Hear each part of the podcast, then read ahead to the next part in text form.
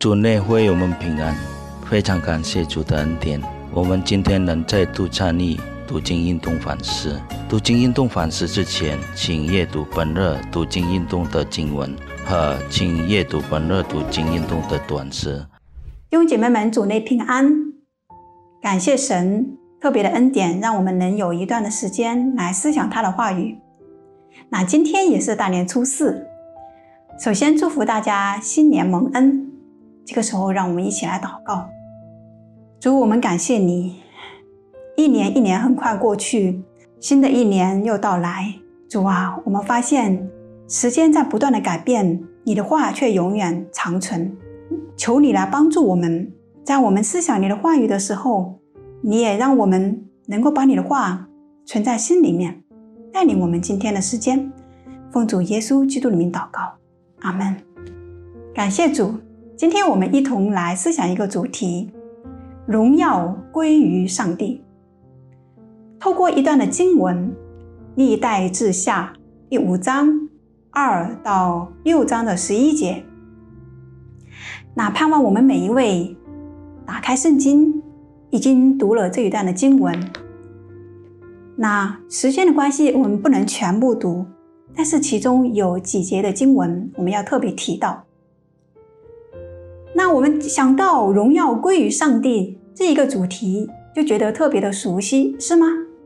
我们经常唱诗，我们经常祷告，我们经常赞美的时候，我们就会说：“愿荣耀归于神，愿颂赞都归给他。”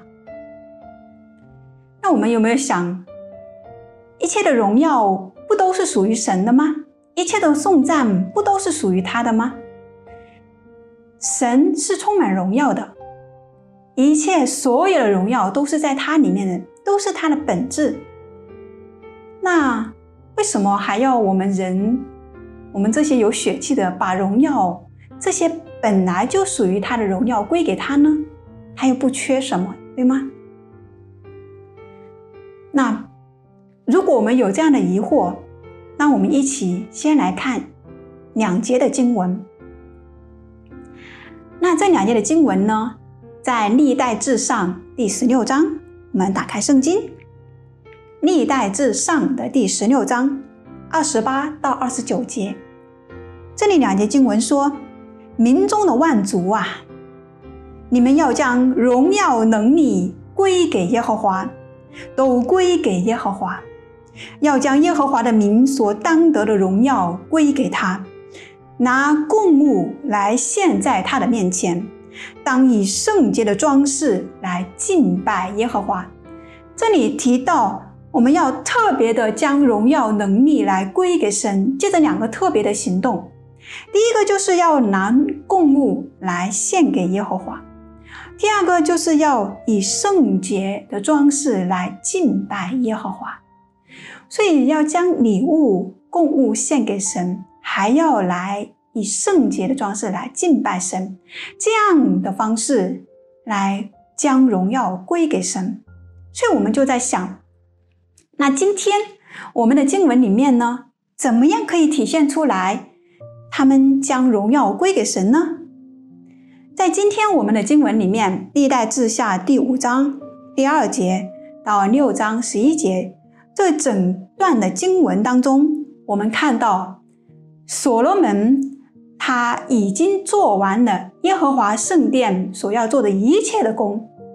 那这个时候呢，我们看到所罗门王跟众人、百姓们，他们都一同来把神的约柜接上来。那接上神的约柜之后呢，他们就在约柜面前来献祭。那我们来看，他们做了什么呢？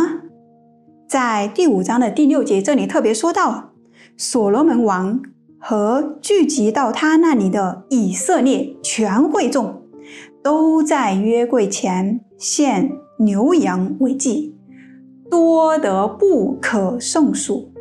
哇，在这里我们看到了什么？哇，他们在神的约柜面前，约柜代表神，在约柜面前，他们献祭，而且献的。多得不可胜数，没有办法计算。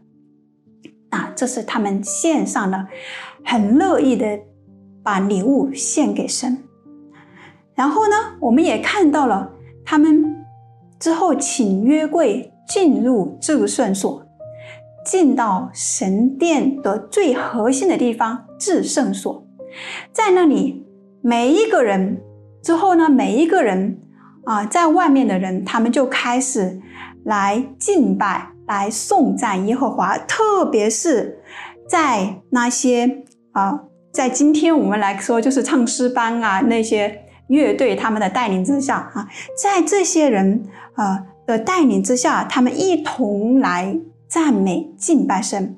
特别提到了第十三节说，第五章十三节说，吹号的、歌唱的都一起发声，生合为一，赞美耶和华。生合为一，生合为一，赞美耶和华。那这里生合为一呢？当然就是啊，我们现在和声就是好像就是说，那那个时候在语那在原文里面呢，它就是说使人听见就像同一个的声音。哇，他们的这样的没有人想要凸显出自己，都一心一意的。同心合意的赞美神，那这是神所喜悦的。之后发生了什么呢？吹号响波，用各种的乐器扬声赞美耶和华，说：“耶和华本为善，他的慈爱永远长存。”那个时候，耶和华的殿有云充满。第十四节，甚至祭司不能站立供职，因为耶和华的荣光充满了神的殿。所以，当他们献上了全然的献上了礼物，不可计数。当他们同心合意的一同来敬拜神的时候，神的荣光、神的荣耀充满了神的殿。哇！真的是很美，对吗？神的荣光充满了神的殿，这表明了神非常的喜悦他们的敬拜，他们的献上，神与他们同在。神的荣耀甚至压倒了一切，他们不能够进到里面去侍奉，不能够供职，万国万民都当来敬拜顺服这一位神。那。当我们看到在历代志下第五章这里，我们看到他们有两个特别的行动，将荣耀归给神，就是我们前面在历代志上十六章那里作者呼吁的，就是要将供物、将礼物献给神，还要以圣洁的装饰来敬拜神。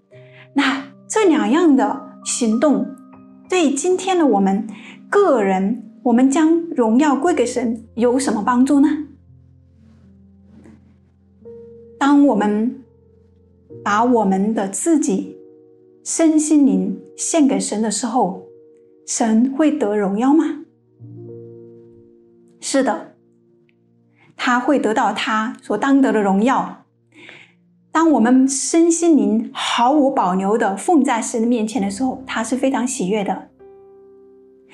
有的人说：“我已经把我的身心灵都献给他了。”是的，很好。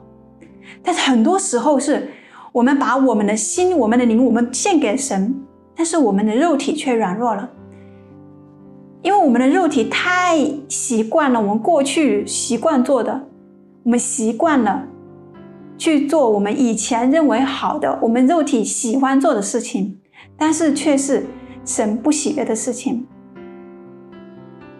我们的肉体软弱，求主帮助我们。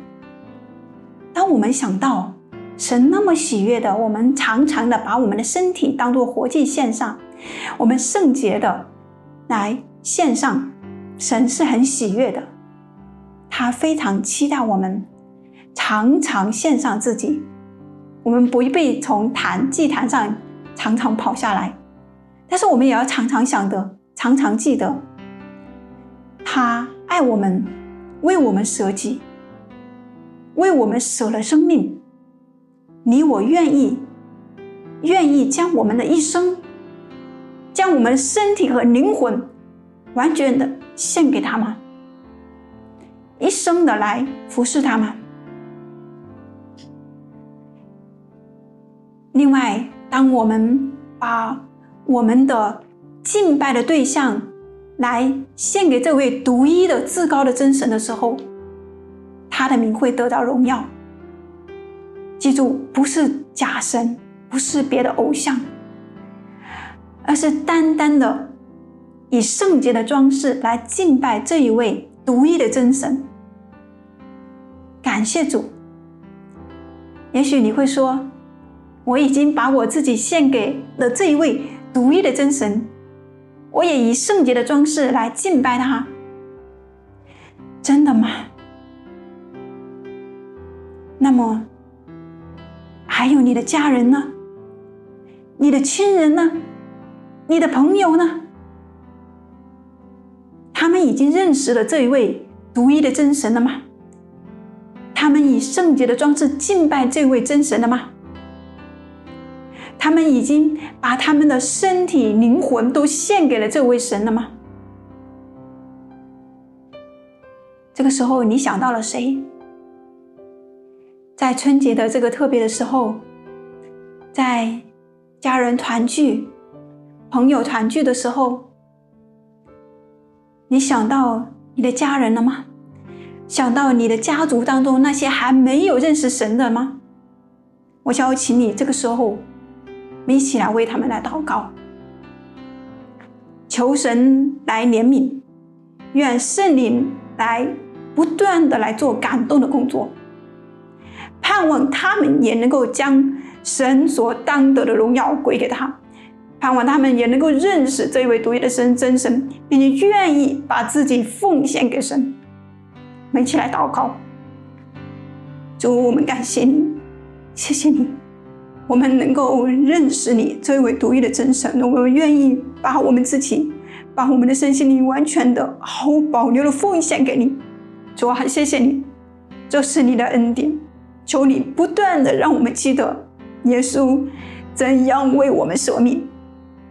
我们愿意喜乐的服侍你，侍奉你到底。求你来保守我们，我们愿意将荣耀归给你，这是你当得的荣耀。主啊，这个时候我们也为我们的家人、为我们的亲人、为我们的朋友来祷告。